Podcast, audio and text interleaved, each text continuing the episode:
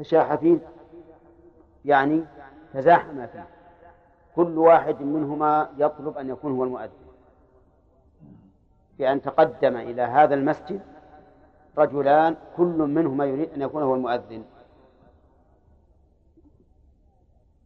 ومن المعلوم أن هذا في مسجد لم يتعين له إمام مؤذن. فإن تعين له مؤذن بقي الأمر على ما كان عليه. لقول النبي صلى الله عليه وسلم لا يؤمن الرجل الرجل في سلطانه كذلك لا يؤذن الرجل في سلطان مؤذن آخر. فإذا كان قد رتب للمسجد مؤذن فلا يجوز لأحد أن يزاحم لأنه أهل ونزل منزلا شرعيا فلا يجوز الاعتداء عليه. لكن إذا كان المسجد من الآن نطلب له مؤذن فتقدم له مؤذنان. كل واحد يقول أنا. يقول المؤلف قدم أفضلهما فيه. أفضلهما في الأذان. يعني الذي أفضل في الأذان يعني فيما يتعلق بالأذان هو المقدم. فمثلا الصوت. يدخل في هذا ولا لا؟ أحسنهما صوتا وأداء وأقواهما يقدم الأمانة تدخل في هذا أيضا. العلم بالوقت كذلك يدخل في هذا. إذن ينظر أفضلهما في الأذان لماذا؟ لأنهما تزاحما في عمل فقدم أقومهما به. وقد قال الله تعالى إن خير من استأجرت القوي الأمين. ثم بعد ذلك أفضلهما في دينه وعقله. أفضلهما في دينه واضح. يعني إذا وجدنا أحدهما أطوع لله عز وجل من الآخر فإننا نقدمه. ثم في عقله. وش العقل؟ يعني العقل حسن الترتيب. أن يكون عنده عقل يستطيع أن يرتب نفسه يستطيع أن يمشي مع الناس. لأن بعض الناس ما عنده سعة عقل ما يتحمل من الناس أدنى شيء. فإذا كان هذا الرجل عاقلا ونعرف أنه سيصبر على أذى الناس لأن الناس مهما كان الإنسان لا بد أن يحصل على اعتراف وأذى.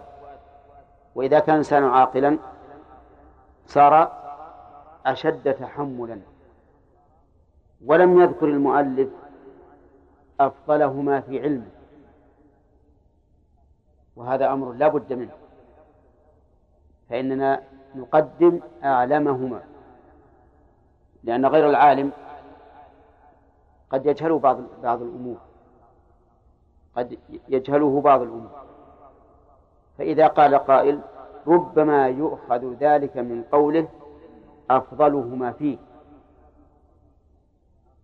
بحيث يكون الأعلم في أحكام الأذان داخلا في قوله إيش؟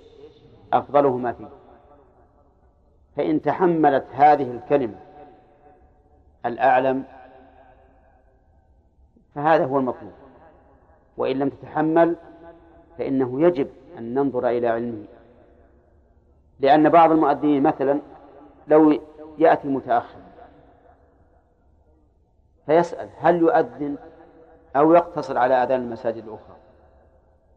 إذا كان معه علم نعم عرف كيف يتصرف. وكذلك إذا كان معه عقل يعرف كيف يتصرف. إذا كان أعقل يقول الله الآن مضى نصف ساعة. بعد الأذان لو لو أذنت الآن لشوشت على الناس.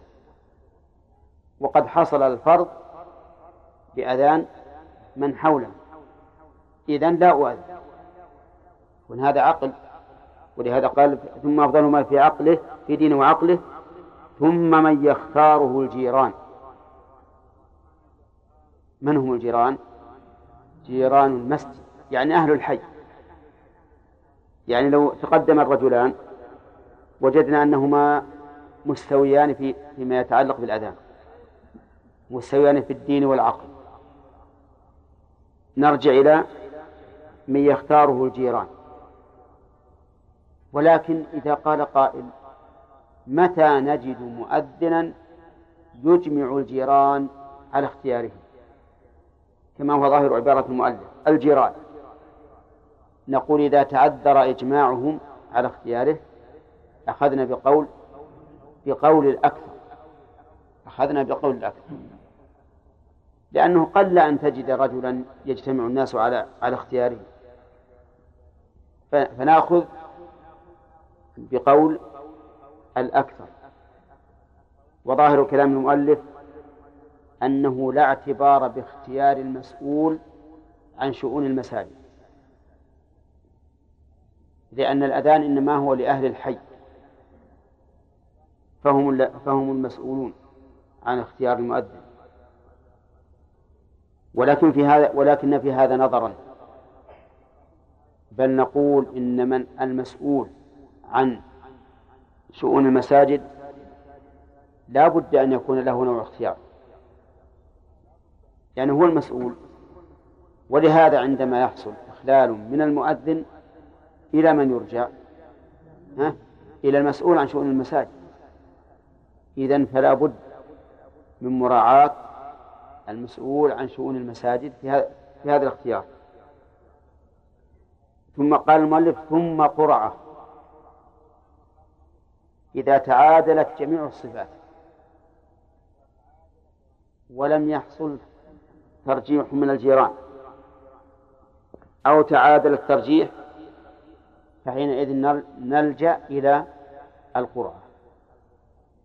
لأن القرعة يحصل بها تمييز المشتبه وتبيين المجمل. وقد جاءت القرعة في القرآن وفي السنة. ففي القرآن قال الله تعالى وما كنت لديهم إذ يلقون أقلامهم أيهم يكفل مريم وما كنت لديهم إذ يختصمون. وقال الله تعالى وإن يونس لمن المرسلين إذ أبق إلى الفلك المشحون فساهم فكان من المدحضين وأما السنة فوردت في عدة أحاديث منها حديث أنس بن مالك رضي الله عنه قال كان النبي صلى الله عليه وسلم إذا أراد سفرا أقرع بين نسائه فأيتهن خرج سهمها خرج بها. ولأن القرعة يحصل بها فك الخصومة والنزاع فهي طريق شرعي. ولكن كيف نقرع؟ نقول أي صفة أو أي كيفية أقرع بها فهي جائزة لأنها ليس لها وصف شرعي. أو كيفية شرعية فأي صفة اتفقوا عليها في القرآن أو كيفية فإنها جائزة. ثم قال المؤلف وهو أي الأذان خمس عشرة جملة يرتلها. وهو هو ضمير منفصل مبتدأ. وخمس عشرة فيها إشكال. إن نطقنا بها هكذا خمس عشرة. وإن نطقنا بها وهي وهو خمس عشرة لم يكن فيه إشكال. صح؟ ها؟ إذا قلنا وهو خمس عشرة رفعنا المبتدأ ما في إشكال. وإن قلنا وهو خمس عشرة ونصبنا المبتدأ في إشكال. الخبر قصد ففي إشكال. إذا ماذا نقول؟ نقول وهو خمس عشر. نسكن ها؟ سكن تسلم طيب. ما هو الصواب؟ الصواب خمس عشر. الصواب خمس عشر. واللي توه مبتدئ بالنحو يقول كيف إنكم ترفعون الخبر تنصبون الخبر؟ نقول الجملة الكلمة هذه مركبة مبنية على الفتح. ولهذا لو قال أحد وهو خمس عشرة قلنا هذا خطأ. أما جملة فهي تمييز للعدد لأن العدد فيه إبهام فيميز. خمس عشرة جملة. نشوف. التكبير في أوله أربع الشهادتان أربع كم هذه؟ ثمانية. الحيعلتان أربع اثنا عشر. التكبير في آخره مرتان والتوحيد واحدة هذه خمسة عشر جملة. خمسة عشر جملة. ها؟ مهم من من الأذان. خمسة عشرة جملة هذا الأذان. لا بد من هذه الخمسة عشر جملة. لا بد منها لو نقص منها واحد ما صح الأذان. وهذا أول الشروط في الأذان. يشترط أن لا ينقص عن خمس عشرة جملة. هذا هو المشهور من مذهب الإمام أحمد والمسألة فيها خلاف بين أهل العلم. لكن نقتصر على المشهور من المذهب ونقول كل ما صحت به السنة من صفات الأذان فهو فهو جائز. بل الذي ينبغي أن نؤذن بهذا تارة وبهذا تارة إن لم يحصل تشويش وفتنة. فإذا كنا في نزهة وليس معنا إلا إلا طلبة علم فينبغي أن نؤذن أحيانا بهذا الأذان وأحيانا بأذان أبي محذورة فنرجع في الشهادتين. ونقول أشهد أن لا إله إلا الله أشهد أن لا إله إلا الله أشهد أن محمدا رسول الله أشهد أن محمدا رسول الله سرا في أنفسنا ثم نقولها جهرا. فيكون على هذا فيكون أذان على هذا تسع عشرة جملة. تسع عشرة جملة إن كان في إن كانت التربية في أوله. أما إذا قلنا بأن التكبير في أوله مرتين مع الترجيع يكون كم؟ سبع عشرة جملة. وعلى هذا المشهور عند الحنابلة. كم؟ خمس عشرة جملة بدون ترجيع. وعند مالك سبع عشرة جملة بالتكبير مرتين في أوله مع الترجيح وعند الشافعي تسع عشرة جملة بالتكبير في أوله أربعا مع الترجيح عرفتم؟ وكل هذا مما جاءت به السنة فإذا أذنت بهذا مرة وبهذا مرة كان ذلك أولى وأحسن. وقد ذكرنا أن العبادات الواردة على وجوه متنوعة ينبغي للإنسان أن يفعلها على هذه الوجوه. وقلنا إن تنويعها فيه ثلاث فوائد. من يذكرها لنا؟ بيان نعم. حفظ السنة بوجوهها. لأنك لو اقتصرت على واحد منها مات الآخر. نعم. الثاني؟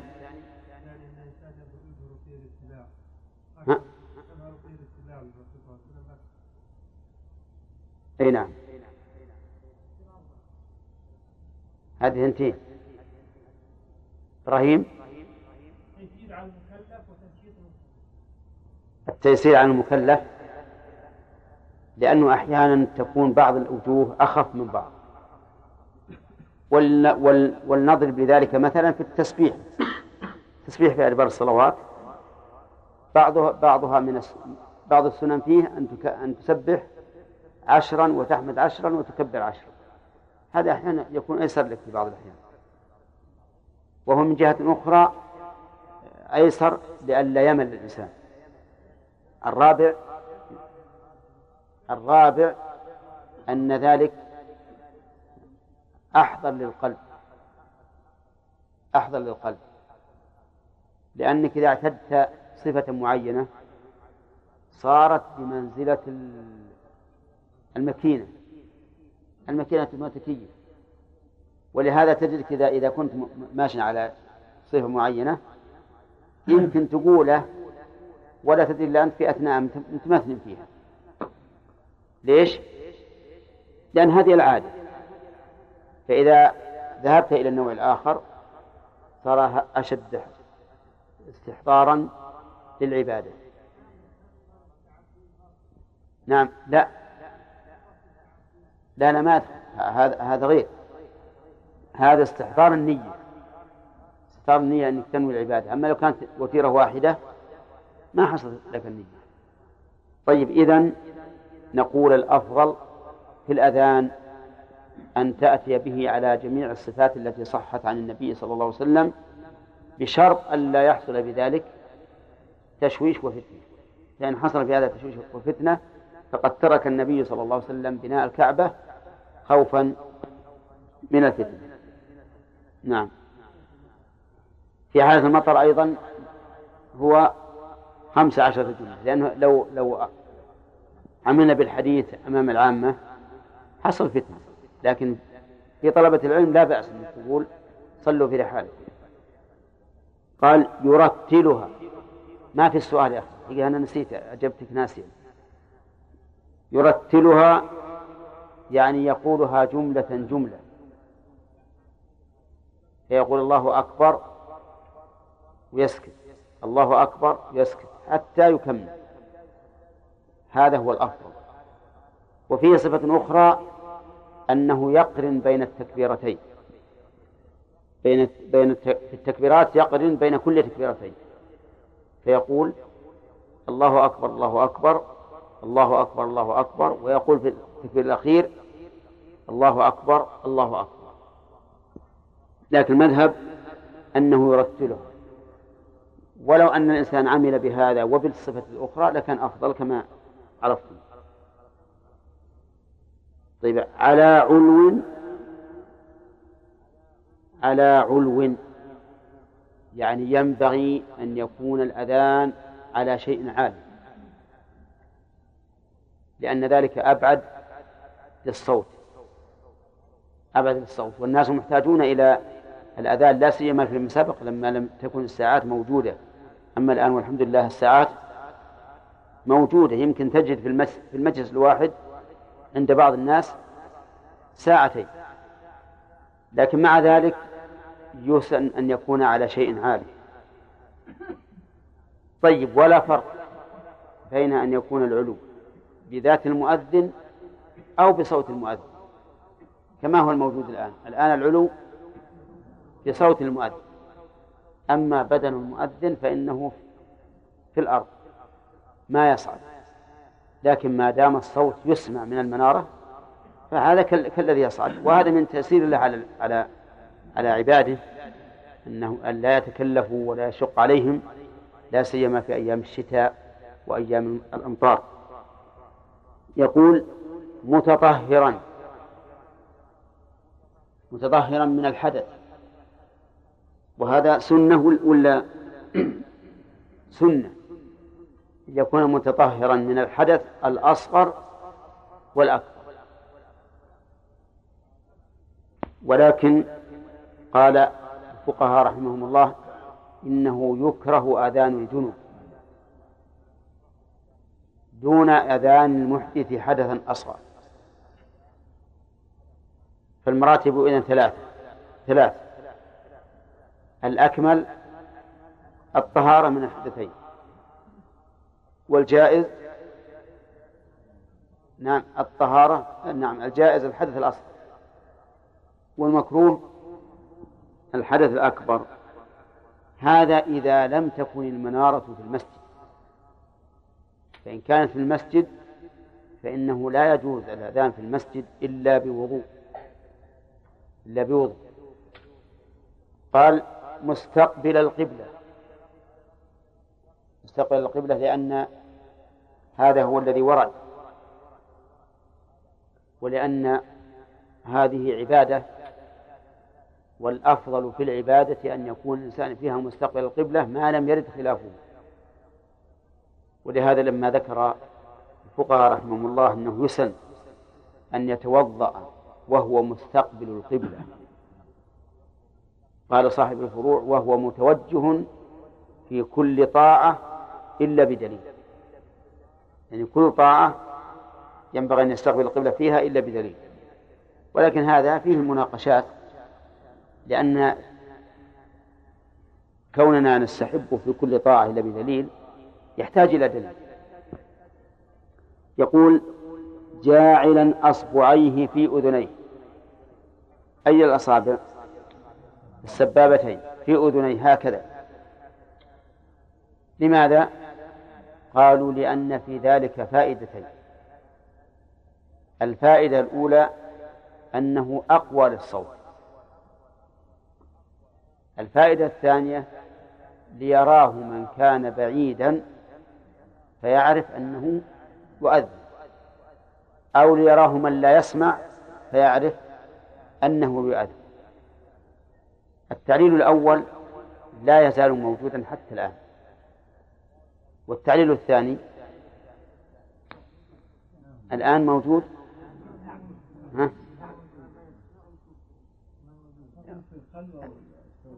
أي طيب.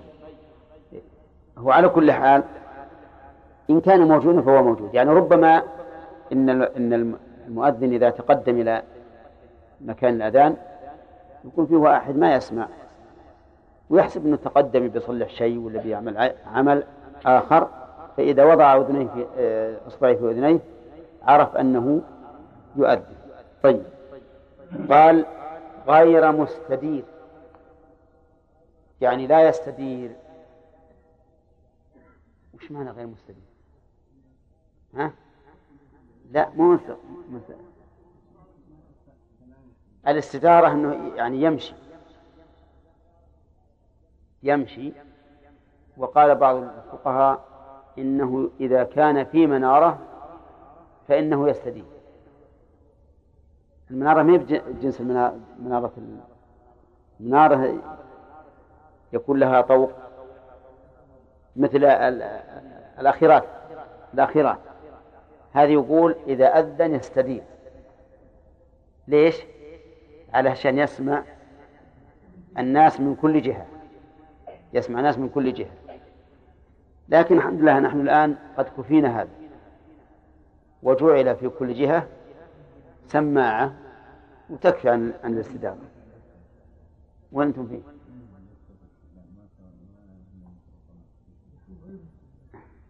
طيب نعم. نعم غير مستدير. ملتفتا في الحيعلة يمينا وشمالا. الحيعلة يعني قول حي على الصلاة. وهي مصدر يسمى المصدر المصنوع. لأنه مركب من عدة كلمات. حي على من حي على. ومثلها بسملة. ها؟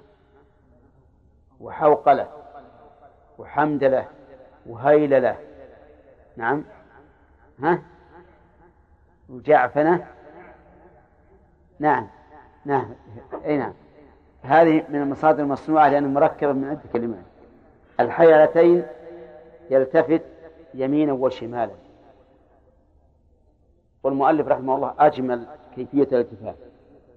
فقال بعضهم إنه يلتفت يمينا لحي على الصلاة في المرتين جميعا وشمالا لحي على الفلاح في المرتين جميعا. وقال بعضهم يلتفت يمينا لحي على الصلاة المرة الأولى وشمالا المرة الثانية وحي على الفلاح يمينا للمرة الأولى وشمالا للمرة الثانية ليعطي كل جهة حظها من حي على الصلاة ومن حي على الفلاح ومن حي على الفلاح. ولكن المشهور وهو ظاهر السنة أنه يلتفت يمينا لحي على الصلاة في المرتين جميعا. وشمالا لحي على الفلاح في المرتين جميعا. ولكن يلتفت في كل الجملة. أما ما يفعله بعض المؤذنين يقول حي على ثم يلتفت الصلاة. حي على ثم يلتفت الفلاح. فهذا تصرف لا أصل له لا في السنة ولا في كلام العلماء. بل يقول حي على الصلاة كلها يمين. ومثل أيضا الالتفات في الصلاة عند التسليم يلتفت في كل التسليم على اليمين وفي وعلى اليسار. يقول دقيقة قا... نعم. قائلا بعدهما أو نخليه بعد. نعم.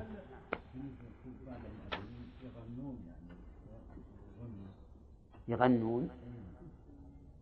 وش الأغنية اللي يغنون شلون؟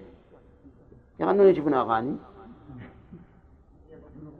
أو آه يلحنون قل هذه ستأتينا في كلام المؤلف إن شاء الله. نعم. ها؟ نشوف إن شاء الله. نعم. بعض الناس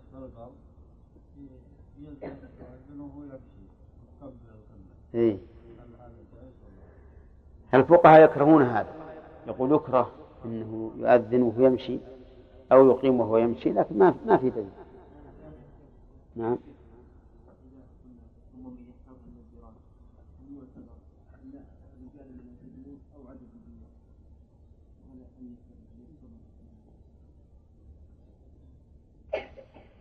وش تقولون؟ يقول هل يدخل النساء في قوله أكثر الجيران؟ ها؟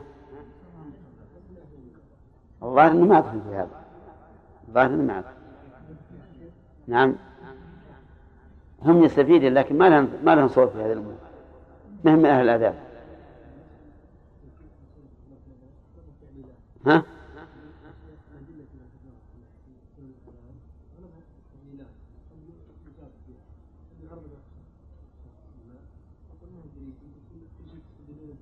نعم صحيح.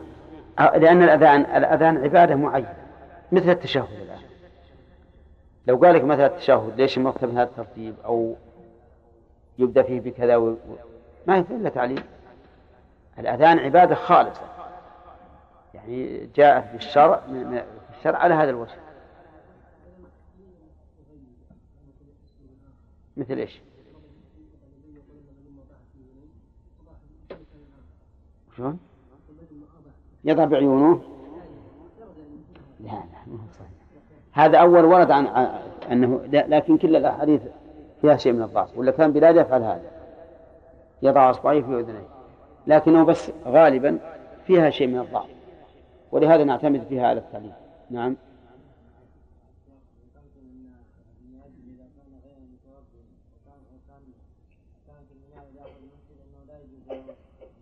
يعني في الجنوب. الجنوب إلا متوضئ. إن الجنوب يحرم إلا متوضئ.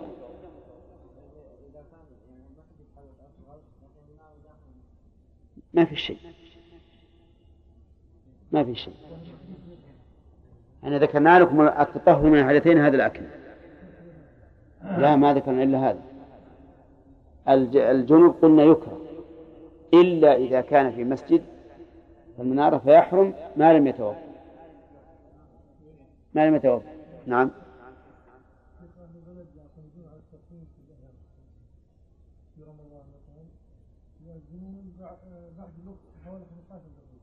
هل يجوز الإنسان يأكل على غروب الشمس؟ يأكل على غروب الشمس أو الفجر إذا غربت الشمس إيه؟ يبدأ بالفطور أنت قلت الفجر يقول أنهم الفجر يتأخرون ربع ساعة كذا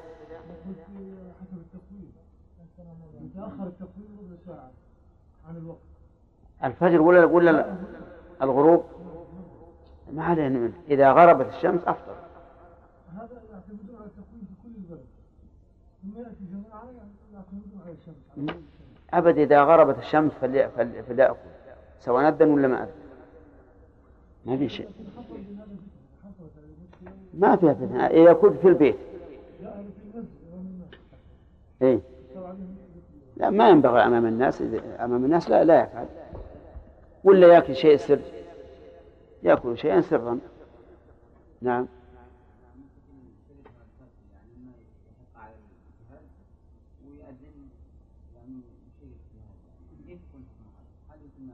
لا ما يجوز.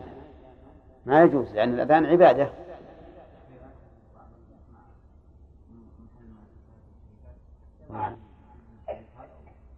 إلى هذا غلط. لا يمكن مو مو في مسجد. لا ما يجوز. هذا لا يجوز. لا لو ت... إن شاء الله اكتبوا لنا عشان نشوف. نعم.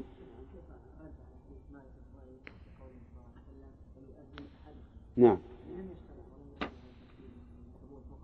نعم. كيف الجواز جائز؟ الجوائز جائز. لكن لكن لما قال الرسول لعبد الله بن زيد بن عبد ربه ألقي على بلال فإنه أندى صوتا منك عرف أنه أنه يختار الصيد نعم. كيف؟ أي صفات؟ هذا معروف. هذا معروف. لأن الصحابة كلهم عدول كلهم أمناء. كل حقين متساويين. أو مستحقين متساويين. فهي عند التساوي وعدم التمييز تستعمل. وهي طريق شرعي ثبتت في القرآن والسنة. وقلنا إنها ذكرت في القرآن مرتين. مرة في قوله تعالى وما كنت لديهم إذ يلقون أقلامهم أيهم يكفل مريم؟ وما كنت لديهم إذ يختصمون؟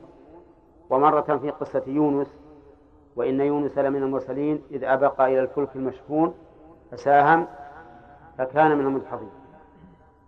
طيب. أما في السنة فوقعت في, في نحو ست حوادث. وذكر منها حديث أنس أن الرسول صلى الله عليه وسلم كان إذا أراد سفرا لا أحد يتكلم. إذا أراد سفرا أقرع بين نسائه فأيتهن خرج سهمها خرج بها. نعم. وأنتهى الكلام على هذا. قال المؤلف وهو خمس عشرة جملة يرتلها على علو متطهرا مستقبل القبلة جاعلا أصبعه في أذنيه غير مستدير ملتفتا في الحي في الحي على يمينا وشمالا قائلا بعدهما.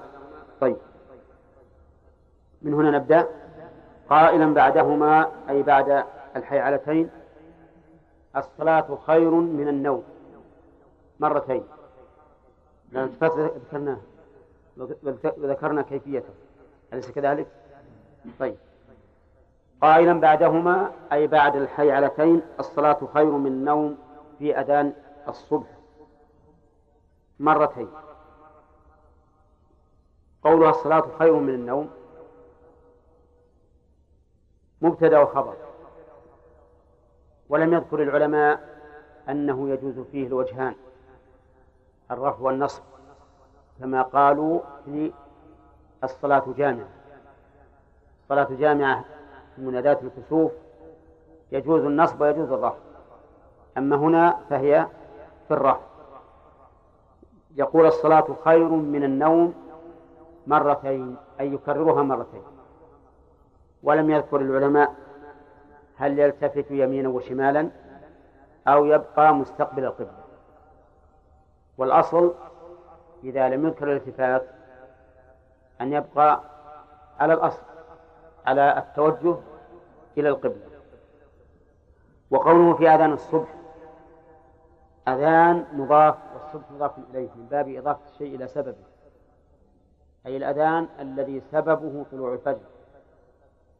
ويجوز أن يكون من باب إضافة الشيء إلى نوعه أي الأذان من الصبح.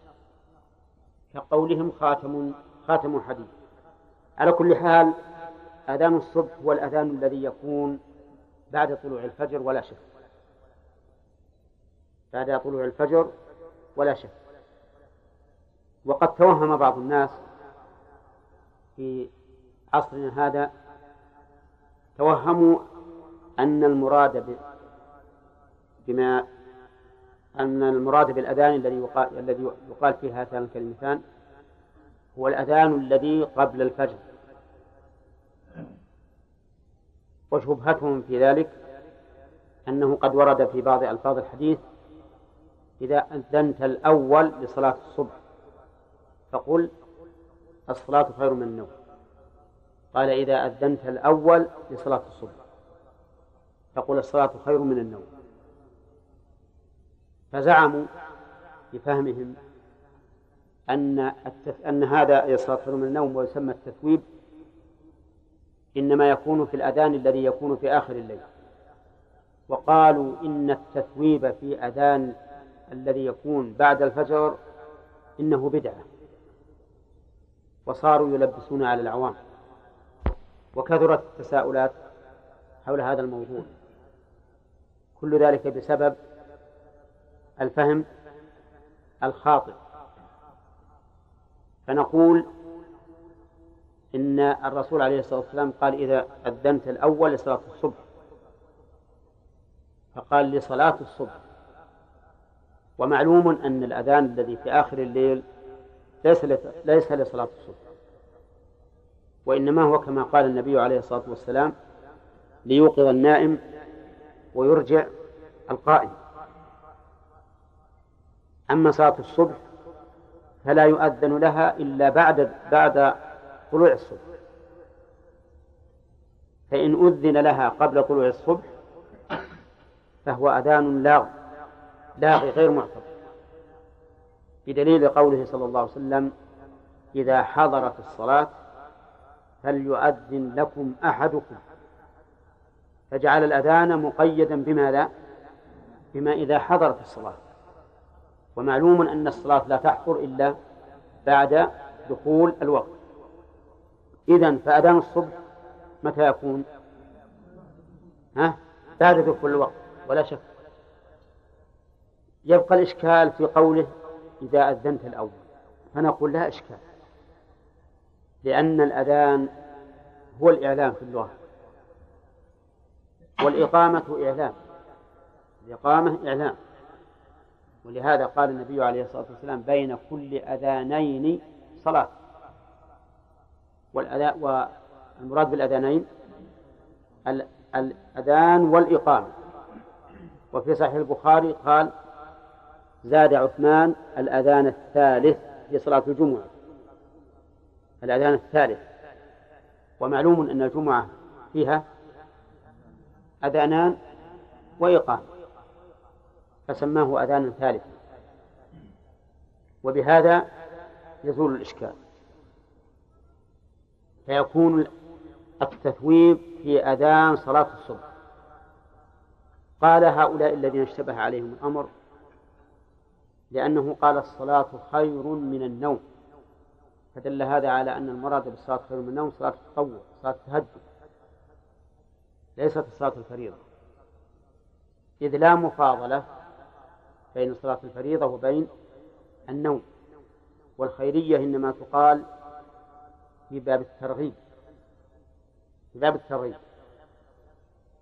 فيقال الصلاة خير من النوم في النفل. صلوا فهو خير من نومكم. فهذا أيضا يرجح يقولون يرجح أن المراد بالأذان إيش؟ الأذان في آخر الليل. الأذان في آخر الليل. فنقول لهم هذا أيضا يضاف إلى الخطأ الأول لأن الخيرية قد قد تقال في أوجب الواجبات. كما قال تعالى يا أيها الذين آمنوا هل أدلكم على تجارة تنجيكم من عذاب أليم؟ تؤمنون بالله ورسوله وتجاهدون في سبيل الله بأموالكم وأنفسكم. ذلكم خير لكم.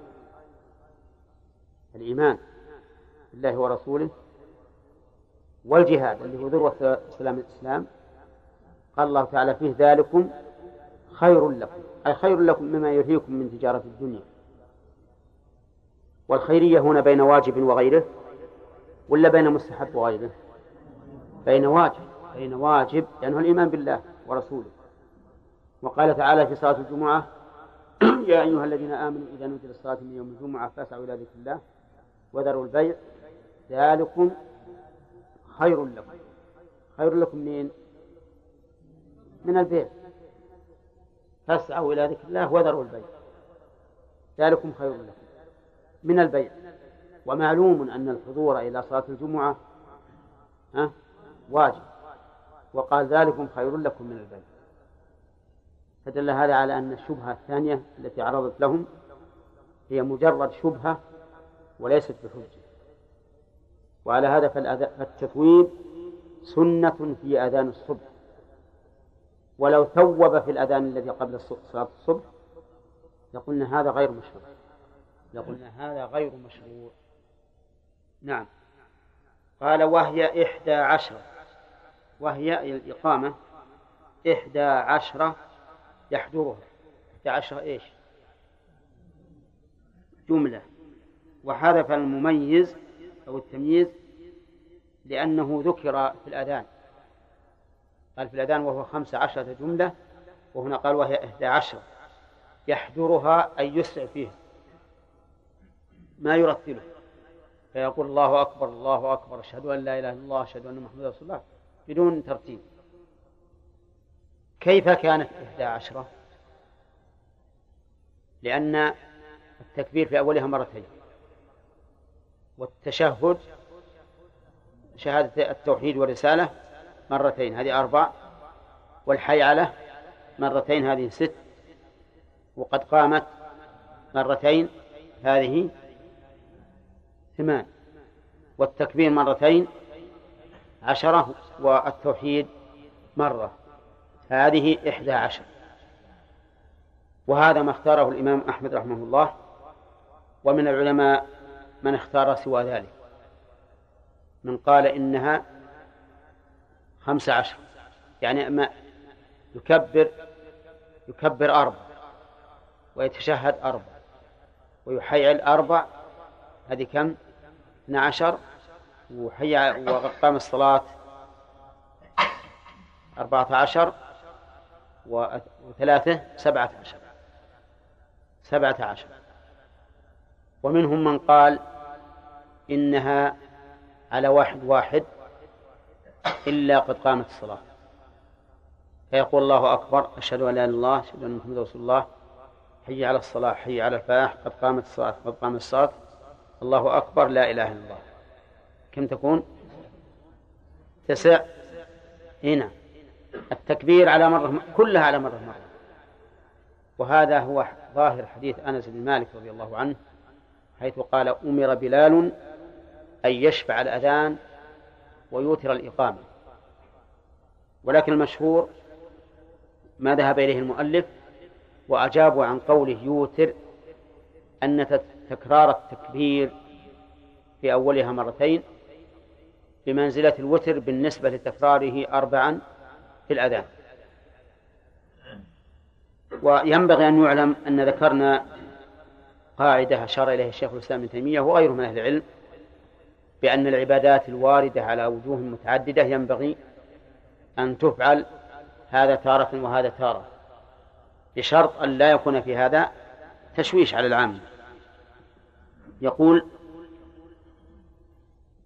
ويقيم من أذن يقيم من أذن لأن بلال رضي الله عنه كان هو الذي يتولى الإقامة وكان هو الذي يؤذن.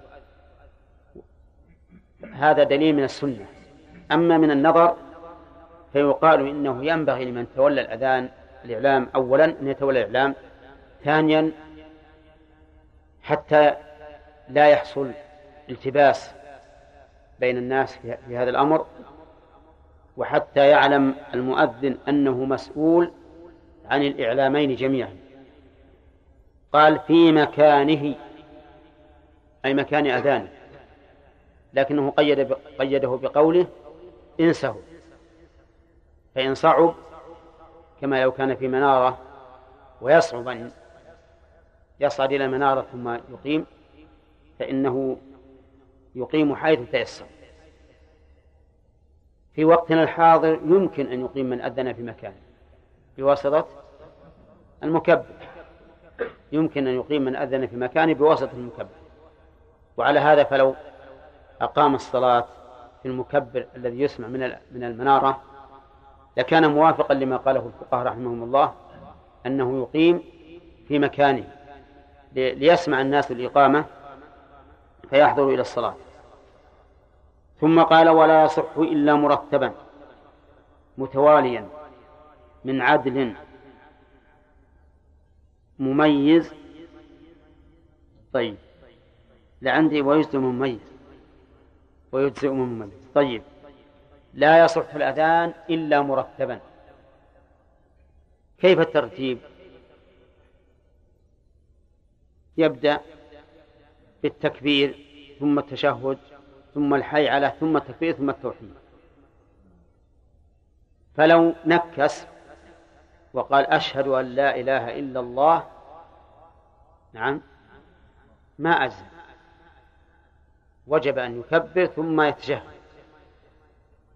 الدليل لأنها لأن الأذان عبادة عبادة وردت على هذه الصفة فيجب أن تفعل كما ورد. لقول النبي صلى الله عليه وسلم من عمل عملا ليس عليه أمرنا فهو رد. وقوله لا يصح إلا مرتبا يفيد أنه أيضا لا يصح إلا بهذا اللفظ. إلا بهذا اللفظ. يعني التكبير والتشهد إلى آخره. فلو قال الله أجل أو الله أعظم يصح ولا لا؟ لا يصح. لأن هذا تغيير لماهية الأذان. فإذا كان وصفه وهو الترتيب لا بد منه فكذلك ماهيته لا بد منها. فلا يجزي أن يقول الله أجل أو أعظم أو ما أشبه ذلك. وعلم من, من, من قوله لا يصح إلا مرتبا أنه لو لو لو لم لو لم يأتي به على الوجه الوارد مثل أن يقول الله الأكبر فإنه أيضا لا يصح. أيضا من واحد لا يصح من اثنين فأكثر. فلو تشاح اثنان في الأذان فقال أحدهما فقال جميعا لك التكبيرات الأولى ولي التشهد ولك الحيعلتان ولي التكبير الأخير والتوحيد. يصلح؟ ها؟ ما يجزي. ما يجزي. طيب ولو عرض للمؤذن عذر يمنعه من إتمام الأذان فهل يكمل أو يستأنف؟ يستأنف. ظاهر كلام المؤلف أنه يستأنف لا بد أن يكون من واحد. واستفدنا من قوله عدل أنه لا بد أن يكون مسلما. لا بد أن يكون مسلما. فلو أذن الكافر لم يصح. لأن هذه عبادة ولا تصح إلا من مسلم. طيب ولو أذن المعلن بفسقه كحالق اللحية ومن يشرب الدخان جهرا فإنه لا يصح أذانه على كلام المؤلف. طيب لا بد من العدالة. ولو أذن المسجل. ها؟ ليس رجلا ولا ولا عدل. ولا لا؟ إذا لا يصح الأذان بالمسجل غير صحيح. لأن الأذان عبادة. بل سبق لنا أنه أفضل من الإمام. فكيف نجيب مسجل يسجل الأذان ويلا. أذن. وإذا كان لا يصح أن نسجل صلاة إمام ثم نقول للناس اقتدوا بهذا المسجل يصح ولا لا؟ ها؟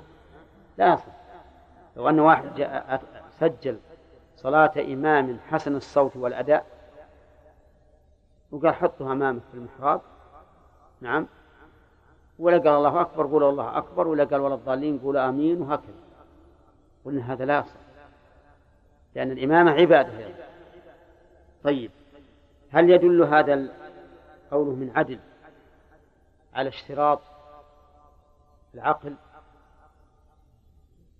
ها؟ نعم لأن العدالة تستلزم العقل إذ أن المجنون لا يوصف بعدالة ولا فسق.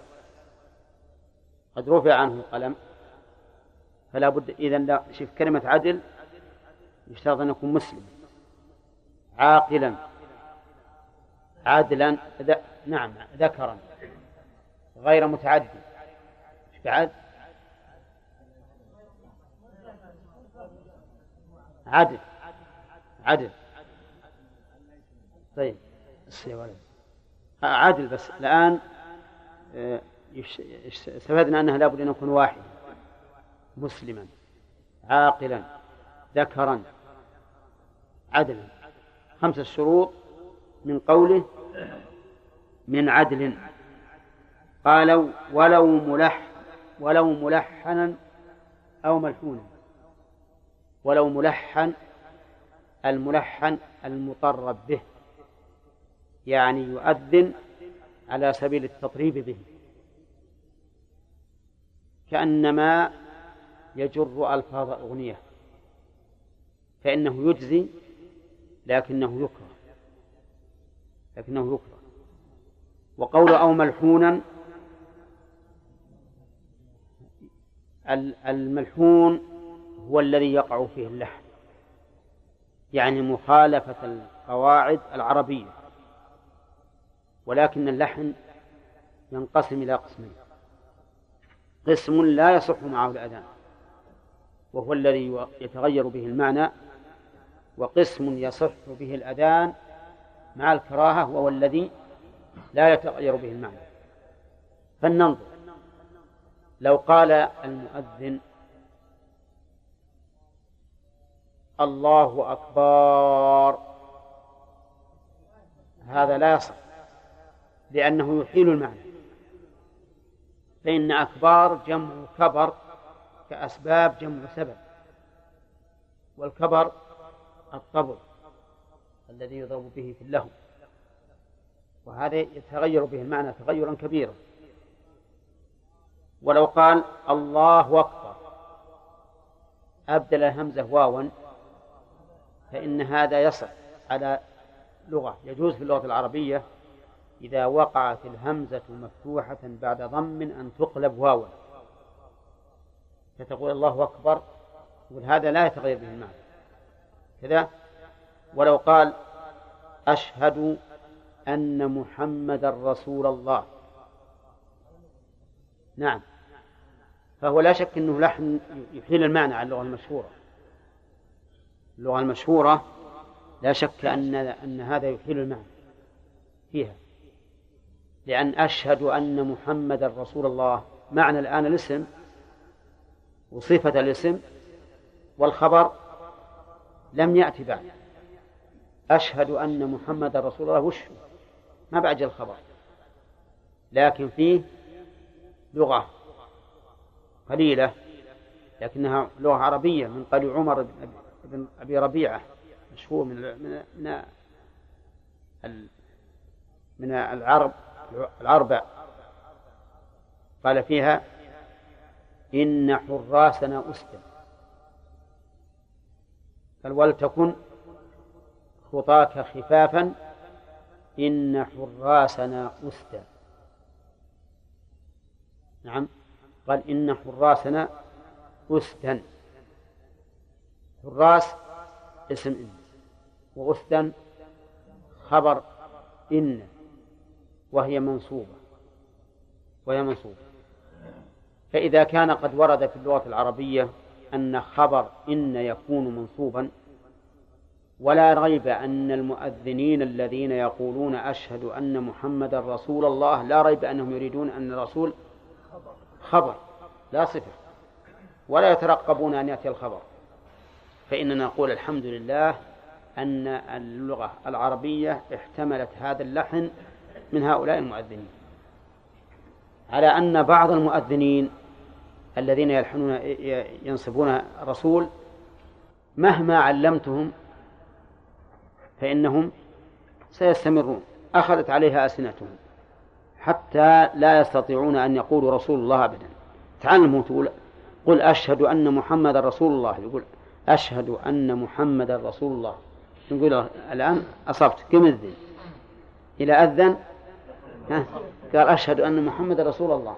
لو أنك توك معلم. لأن لسانه أخذ, أخذ عليه طيب. ولو قال ها؟ لا ما الجر ما يتغير به المعنى. ولو قال حيا على الصلاة على الصلاة. يجوز ولا لا؟ لا هو يفيد المعنى لكن ألحق ألف. ألحق ألف بالياء.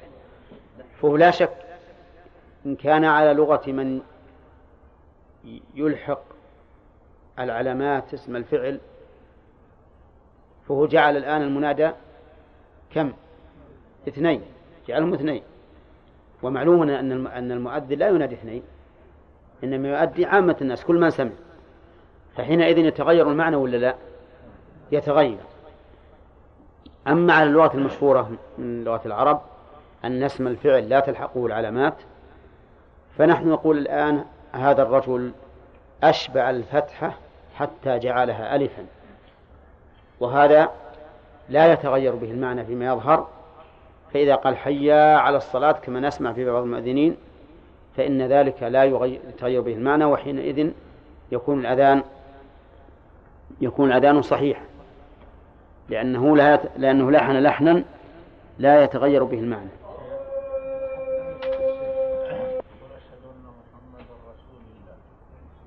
إيه؟ لا ما يتغير به المعنى ما يتغير به المعنى نعم. ها؟ إيه لكن بس ما يتغير به المعنى. لأن اللحن لو ما فيه لغة ما دام ما يتغير به المعنى ما يضر. تكلمنا في الدرس السابق الالتفات في الحياة. نعم. الآن كان أول يأذن في في المأذن الآن يأذن في المكتب هل لها داعي؟ الالتفات؟ هي ما لها داعي لكن لو قال إن الإنسان لو قيل إن الإنسان يفعلها ابقاء على السنة لأن أخشى يوم من الأيام ما يجي ما, ما تبقى الميكروفونات هذه فيظن الظان أنه لا يسن الالتفات فلو أبقاها لكان أحسن إحياء للسنة. مع بعض اذا كان المكان بعيد يسمع الآخرين. هذا القول ما قال احد من أهل العلم. شلون؟ انه يجوز ان مع بعض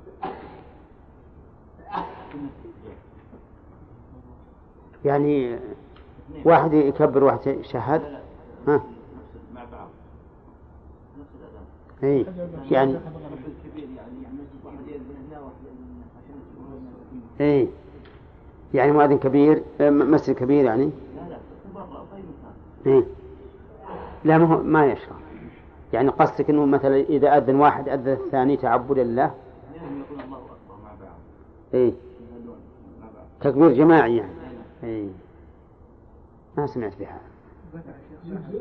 نعم.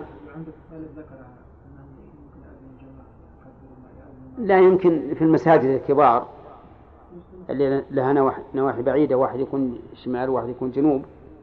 يمكن. نعم خالد. نعم.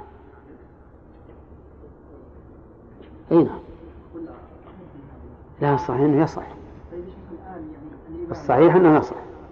لأن لأن الفاسق يصح منه الذكر. الفاسق يصح منه الذكر والأذان ذكر.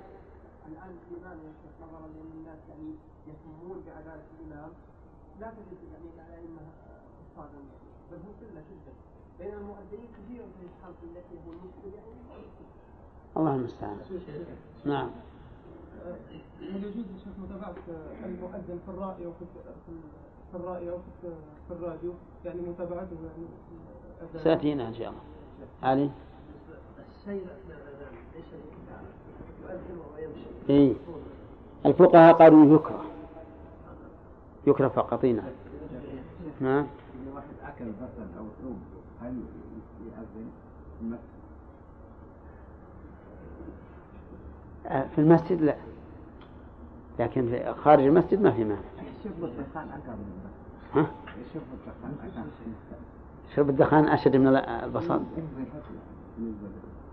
هو شارب الدخان إذا كان له رائحة كريهة نقول لا يدخل المسجد. لأن العلة واحدة العلة وهو أن الملائكة تتأذى مما يتأذى منه الإنسان موجودة في في شرب الدخان. لكن بس لكن أنا سمعت إن الدخان يختلف. بعضه ما له رائحة كريهة. وبعضه صحيح. مؤذي ها؟ يمكن ما سلم على الناس اللي يدخنون. شلون؟ إذا وقفت الصف مع ناس اللي يدخنون من قال الله أكبر ما يكن يعني يمكن تكره حتى الإذان لأن ريحته يدخل أكثر من ريحته عجيب الناس. نعم. اعلان إيه. لأن بعض الناس يقول ما يدري يتقدم من يعني يقول إيه. هل انه يعلن أو أو يتركها والله ما أرى فيها شيء إعلان الإقامة الميكروفون ما أرى فيه شيء لأنه قالوا لي بعض الناس انه يترتب عليه إنه يقول لعياله يقول ما صلوا يقول ما بعد اقام نعم؟ يقول اصبر لين- يقيم. لكن ما دام ما دام ورد إذا سمعتم الإقامة فامشوا إلى الصلاة. هذا يدل على إن الإقامة تسمع. وكان بلال يقول لرسول لا تسبقني بآمين مما يدل على إنه ما ما يقيم قريبا. نعم عبد الرحمن.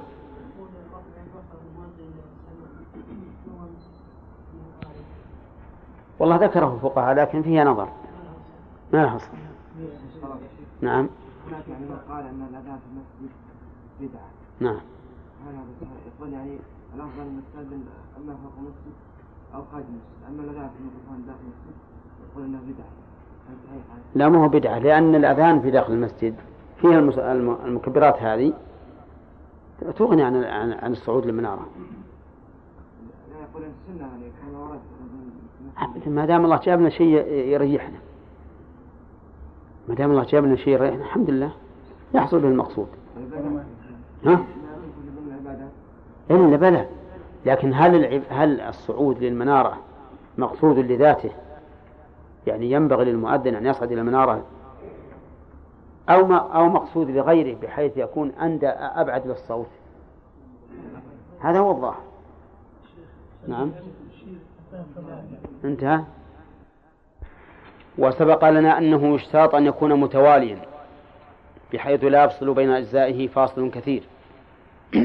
إلا من ضرورة كالسعال والعطاس وما أشبهه.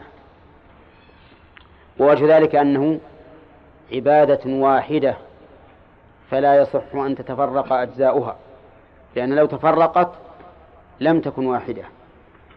أو هذا تعليل مو دليل. وسبق أنه يشترط أن يكون من ذكر واحد. بعد؟ مسلم. عاقل عدل. هذه واستفدنا هذه من كلمة عدل.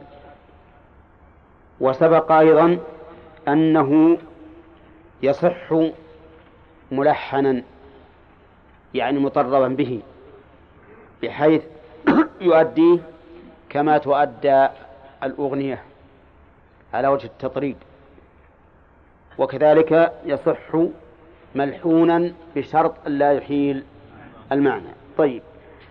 وسبق لنا أن قول المؤلف لو ها إشارة خلاف. وأن فيه خلافا وهو أحد الوجهين في مذهب الإمام أحمد أن الملحن والملحون لا يصح. لأن الملحن يخرجه عن كونه أذانا لأنه عبادة والتلحين يميل به إلى الطرب والأغاني. وأما الملحون فلأن اللغة العربية هي التي تؤدى بها هذه الأذكار. طيب وإلى هنا انتهى درس السابق. قال ويجزئ من مميز. يجزئ الفاعل يعود على الأذان. يجزئ من مميز. والمميز من بلغ سبعا إلى البلوغ. هذا المميز. من بلغ سبع سنين إلى البلوغ يسمى مميزا. وسمي مميزا لأنه يميز فيفهم الخطاب ويرد الجواب. وقال بعض العلماء إن المميز لا يتقيد بسن وإنما يتقيد بوصف. يتقيد بوصف. فالذين قالوا إنه يتقيد بسن استدلوا بقول النبي صلى الله عليه وسلم مروا أبناءكم بالصلاة لسبع واضربوهم عليه العشر. فجعل أول سن يؤمر به الصبي سبع سن سبع سنين. وهذا يدل على أنه قبل ذلك لا يصح توجيه الأمر إليه. لماذا؟ قد يقال لأنه لا يفهم الأمر. وقد يقال لأنه لا يحتمل الأمر. فإن قلنا بالعلة الأولى صار صار سبع سنين هي الحد للتمييز. وإن قلنا بالثانية لم يكن ذلك حدا للتمييز. لم تكن السنوات السبع حدا للتمييز. إذا قلنا إن من دون السبع لا يتحمل الأمر لا يتحمل وإن كان يفهم. والذين قالوا إنه يقيد بالوصف قالوا لأن كلمة مميز اسم فاعل. مشتق منين؟ من الميز أو من التمييز. وإذا كان مشتقا من ذلك فإذا وجد هذا المعنى في طفل ثبت له وصف. فالذي يفهم الخطاب ويرد الجواب. يسمى مميزا. بحيث يفهم يفهم المعنى. ما هو بيفهم إنك تقول له يا ولد لأن الطفل اذا قلت يا ولد له صغير في المهد. اذا قلت يا ولد انتبه وإذا نادته أمه انكب عليها. ليس هذا هو المراد. المراد أن يفهم الكلام. تقول مثل هات ماء يروح يجيب لك الماء لا ما هو إذا قلت له هات ماء راح يجيب الشاهي ما يصلح هذا. ما هو مميز المميز هو الذي يفهم الخطاب ويرد الجواب. لكن سبع السنوات غالبا هي الحد. الغالب أنها هي الحد. على كل حال الآن نحن نتكلم هل يصح أذان المميز أو لا يصح.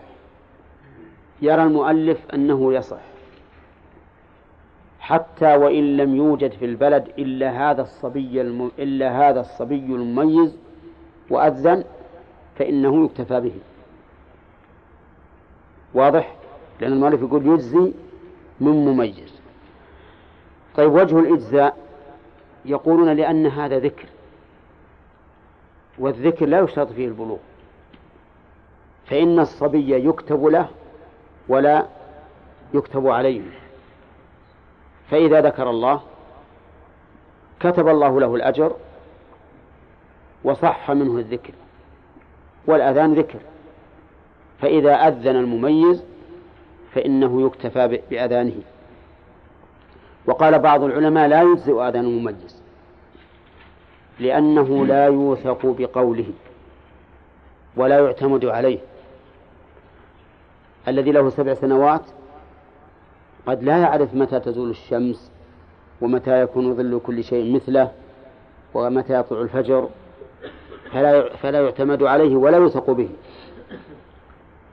وفصل بعض العلماء فقال إن كان معه غيره فلا بأس. وإن, وإن لم يكن معه غيره فإنه لا يعتمد عليه. والحقيقة أن أن المميز لا يعتمد عليه.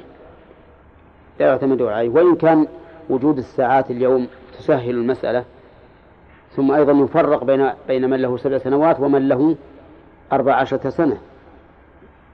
لأن من له أربع عشرة سنة قريب من البلوغ. إنما من حيث المعنى لا نرى وجها لاشتراط البلوغ. لأن هذا ذكر والذكر يصح من من ممن دون البلوغ وممن فوق البلوغ. طيب يقول المؤلف إذا على هكذا المؤلف لا يشترط البلوغ. البلوغ ليس بشرط. والعقل شرط لأنه لا يمكن أن يعرف كيف يؤدي وهو غير عاقل. قال ويبطلهما فصل كثير. يبطلهما الضمير يعود على الأذان والإقامة.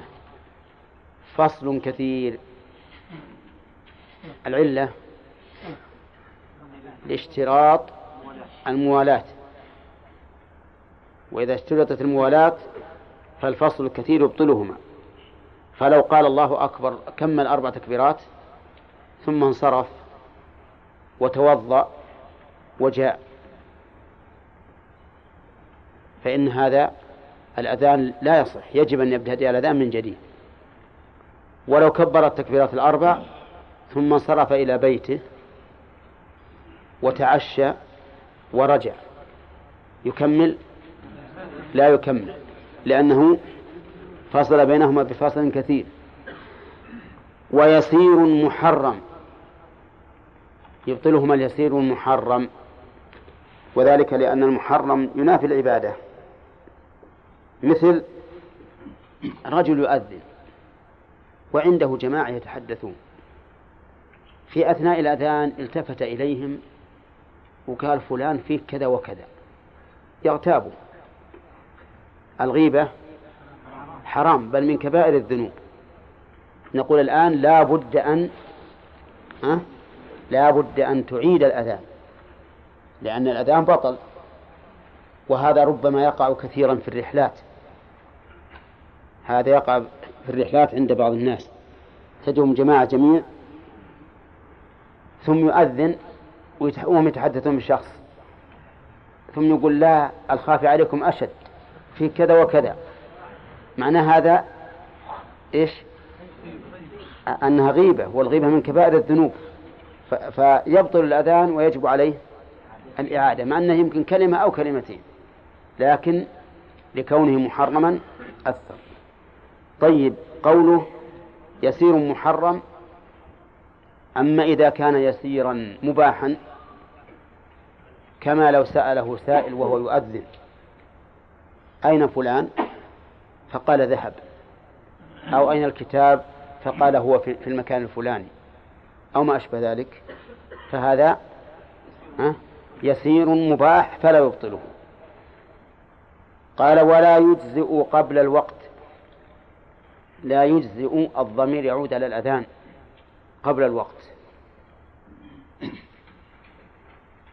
لدليل وتعليل. الدليل قول النبي صلى الله عليه وسلم إذا حضرت الصلاة فليؤذن لكم أحدكم. فقال إذا حضرت الصلاة والصلاة لا تحضر إلا بدخول الوقت. وأيضا قد يستفاد من قوله إذا حضرت أن المراد حضورها وحضور فعلها. ولهذا لما أراد بلال أن يؤذن وكان مع النبي صلى الله عليه وسلم في سفر في شدة الحر. فزالت الشمس فقام ليؤذن قال أبرد. ثم انتظر ثم قام ليؤذن قال أبرد. حتى رأوا فيء التلول. بل حتى ساوى التل فيئه يعني قريب العصر. ثم أمره بالأذان. فهذا يدل أيضا على أنه على أن الأذان ينبغي أن يكون عند إرادة فعل الصلاة. ويترتب ينبني على ذلك لو كانوا جماعة في سفر أو في نزهة وأرادوا صلاة العشاء وأحبوا أن يؤخروها إلى الوقت الأفضل وهو آخر الوقت متى يؤذنون؟ عندما يريدون فعل الصلاة لا عند دخول وقت العشاء. طيب إذن هذا الدليل إذا حضرت الصلاة. التعليل لأن الأذان إعلام بماذا؟ بدخول وقت الصلاة. والإعلام بدخول الشيء لا يكون إلا بعد دخوله. وعلى هذا فلو أذن قبل الوقت جاهلا. قلنا له إذا دخل الوقت فأعد الأذان. وهذا يقع أحيانا فيما إذا اغتر الإنسان أو غرته ساعته. نظر إلى الساعة فظن أنها مثلا الثانية عشرة الظهر وهي الحادية عشرة فأذن. نقول هذا الأذان غير صحيح ولو كان جاهلا. إذا جاء الوقت فلا بد أن أن تؤذن. طيب. قال المؤلف إلا الفجر بعد نصف الليل. إلا الفجر. استثنى المؤلف الفجر وذكر متى يصح. قال بعد نصف الليل. فيصح الأذان له. وإن لم يؤذن في الوقت. وعلى هذا فلو أن فلو أن المؤذنين أذنوا في الساعة الثانية عشرة. اليوم. بل قبل الساعة الثانية عشرة. ها؟ إلا ثمان؟ أين أذنوا في هذا الوقت. وت... و... ولما طلع الفجر ما أذن. يجزئ ولا لا؟ على كلام المؤلف يجزئ. على كلام المؤلف يجزئ. وظاهر كلام المؤلف لا فرق بين أن يكون معه مؤذن آخر يؤذن في الوقت أو لا. لأنه أطلق. الدليل الدليل قول الرسول عليه الصلاة والسلام إن بلالا يؤذن بليل. فكلوا واشربوا حتى يؤذن ابن أم مكتوم فإنه لا يؤذن حتى يطلع الفجر. فقالوا إن بلالا يؤذن بليل. ولكن هذا الدليل ليس له لا, يصح به لا يصح به الاستدلال. الدليل صحيح ولكن الاستدلال غير صحيح. أولا لأن الرسول عليه الصلاة والسلام صرح في الحديث بأن هناك من يؤذن إذا طلع الفجر فتحصل به الكفاية من هو؟ ابن أم مكتوم. ومعلوم أن أنه إذا كان فيه من يؤذن لصلاة الفجر حصلت به الكفاية. ثانيا أنه قد بين في الحديث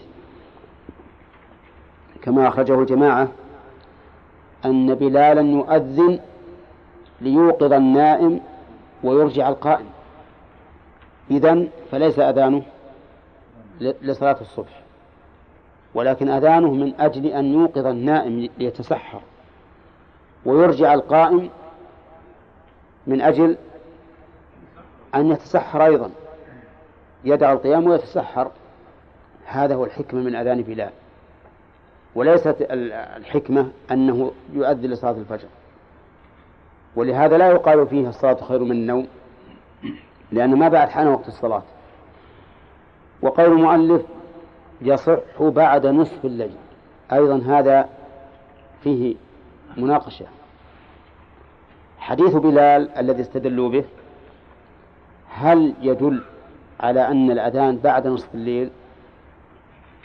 لا. بل يدل على أن الأذان قريب من الفجر. قريب من الفجر.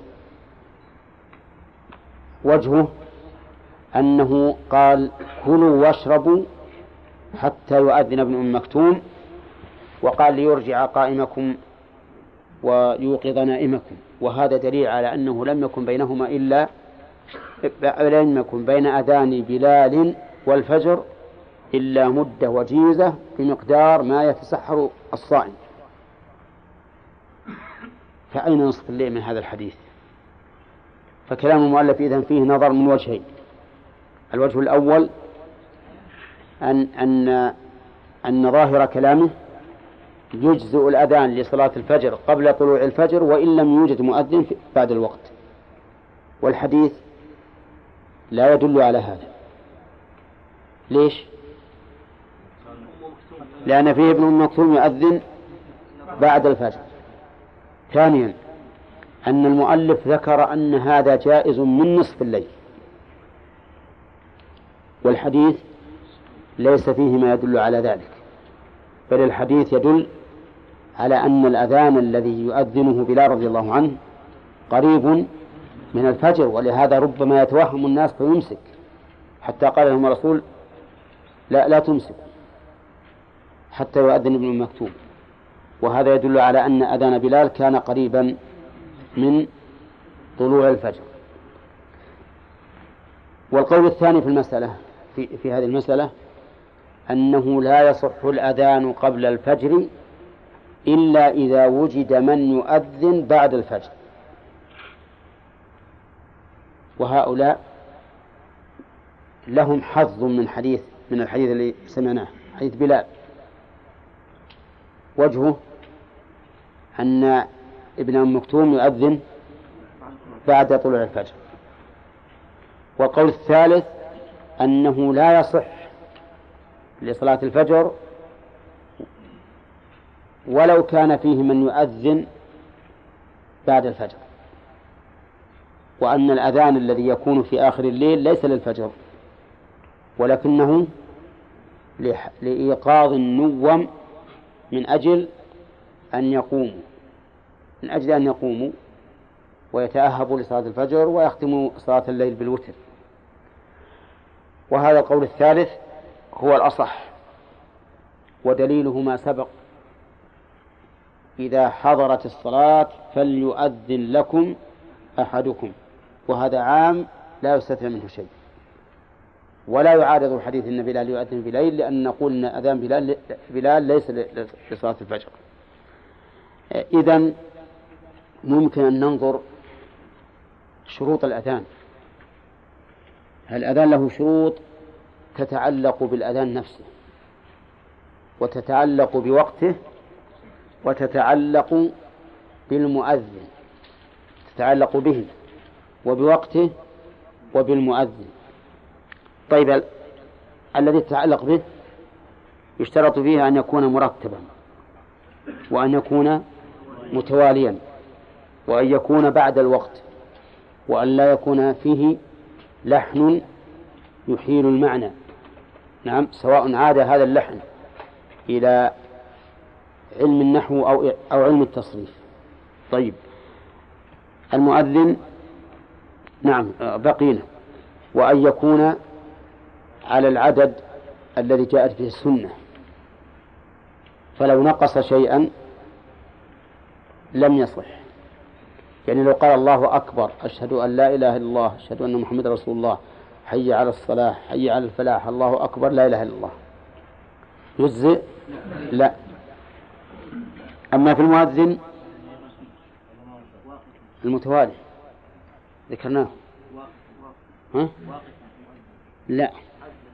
شوف لابد أن يكون مسلما عاقلا ذكرا واحدا ها؟ عدلا. خمسة شروط طيب. نعم. ما حاجة. مميزا؟ لا نقول مميز. مميزا. ستة شروط ستة شروط أي نعم.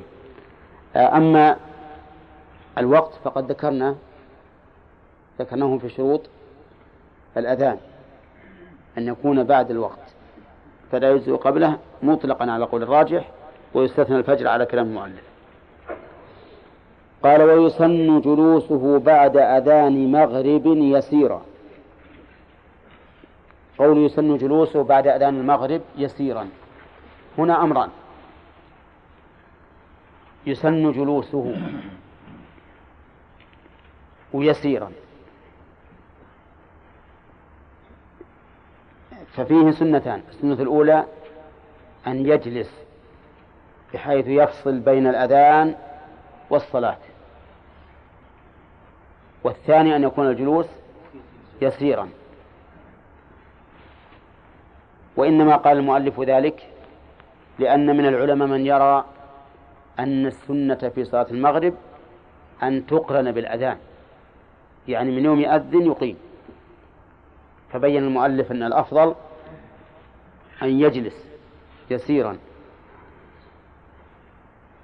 والدليل لذلك الدليل لذلك أن الرسول عليه الصلاة والسلام قال صلوا قبل المغرب.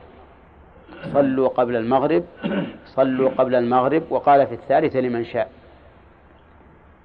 وهذا يدل على أنه لا بد من فصل بين الأذان ها والإقامة. وثبت في الصحيحين وغيرهما أن الصحابة رضي الله عنهما رضي الله عنهم كانوا إذا أذن المغرب قاموا يصلون. والنبي صلى الله عليه وسلم يراهم فلم ينههم. وهذا إقرار من النبي صلى الله عليه وسلم على هذه الصلاة. فثبتت بالسنة القولية والسنة الإقرارية والفعلية أيضا إن صح الحديث بها.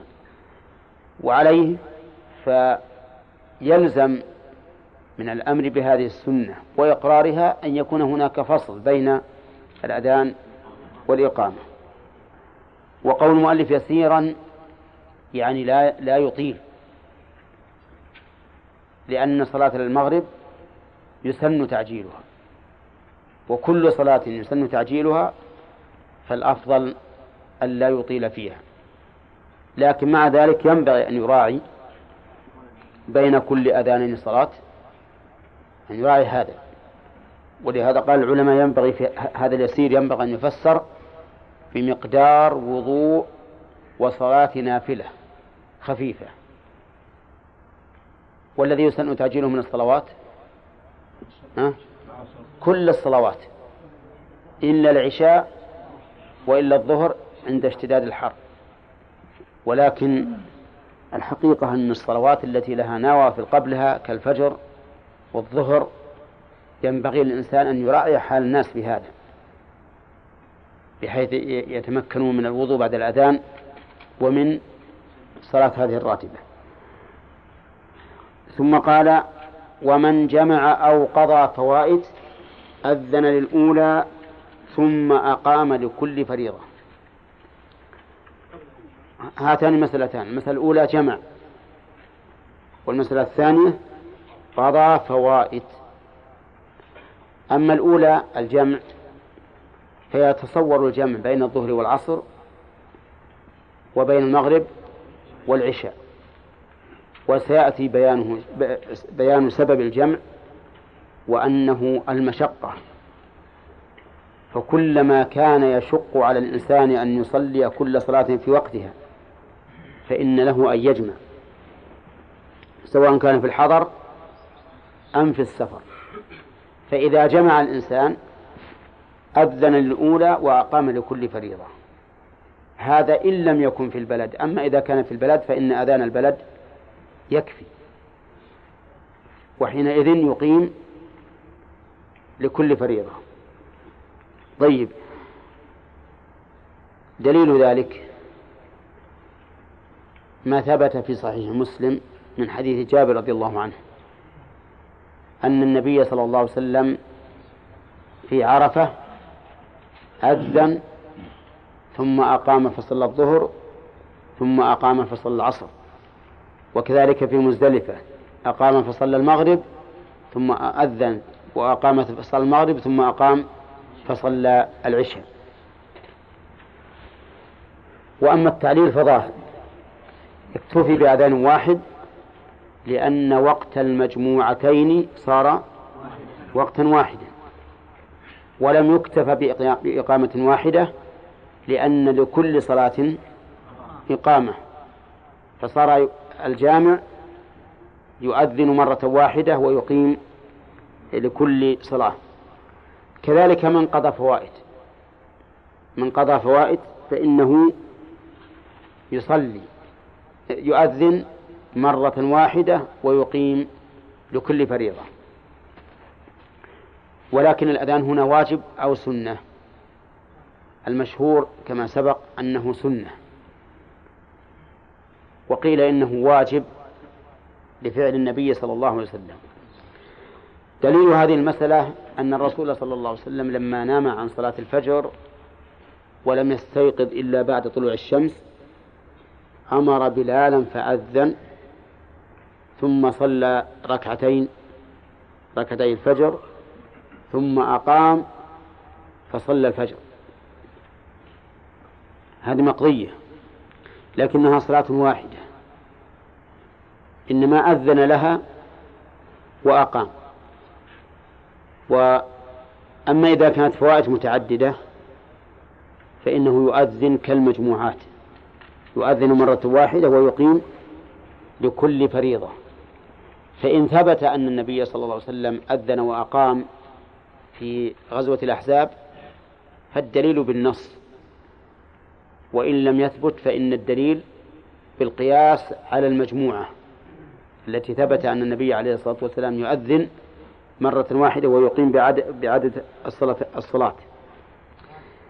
وقوله أو قضى فوائد. ما هو المقضي؟ يقول العلماء لدينا أداء وقضى وإعادة. ثلاثة أشياء. كلها توصف بها الصلاة. فالأداء ما فعل في وقته لأول مرة. نسميه أداء. والإعادة ما فعل في وقته مرة ثانية. والقضاء ما فعل بعد وقته. كيف تكون الإعادة؟ الإعادة قال النبي عليه الصلاة والسلام إذا صليتما في رحالكما ثم أتيتما مسجد جماعة فصليا معهم فإنها لكما نافلة. هذه نسميها إيش؟ إعادة لأنها فعلت ثانية في الوقت. أما القضاء فالقضاء إذا فعل بعد الوقت. وهذا بناء على المشهور عند أكثر أهل العلم أن ما فعل بعد الوقت فهو قضاء. ولكن هناك قولا ثانيا هو الأصح أن أن ما فعل بعد الوقت فإن كان لغير عذر لم يصح إطلاقا. وإن كان لعذر فهو أداء وليس بقضاء. فهو أداء وليس بقضاء. دليل ذلك قول النبي عليه الصلاة والسلام من نام عن صلاة أو نسها فليصلها نعم إذا ذكرها فجعل وقتها عند ذكرها عند ذكرها وكذلك في النوم عند الاستيقاظ. فيقول هؤلاء إن كلمة القضاء والأداء لا يحتاج إلى إلى إلى فرق بينهما. فنقول إن فعلتها بعد الوقت لعذر فهي أداء.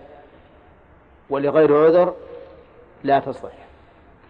الخلاف في هذا في الواقع قريب من اللفظ لأن الكل يتفق يتفقون على أنه يشرع الأذان والإقامة حتى فيما فعل بعد الوقت حتى فيما فعل بعد الوقت.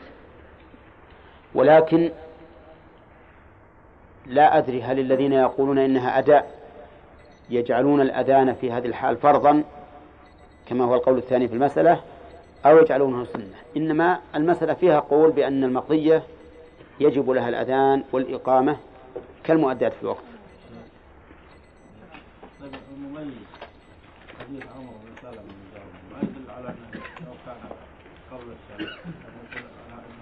نعم نعم. يعني قصدك التمييز؟ إيه القول الصحيح كما سبق لنا. أن المميز هو الذي يفهم الخطاب ويرد الجواب ولو دون السبب. نعم. نعم. شيخ نحن قلنا الذي ما يأتي بها كاملة وقلنا أن يقول الله أكبر أشهد لا إله إلا الله. لو قال الله أكبر الله أكبر أشهد أن لا إله إلا الله أشهد أن لا إله إلا الله أشهد أن رسول الله حي على الصلاة.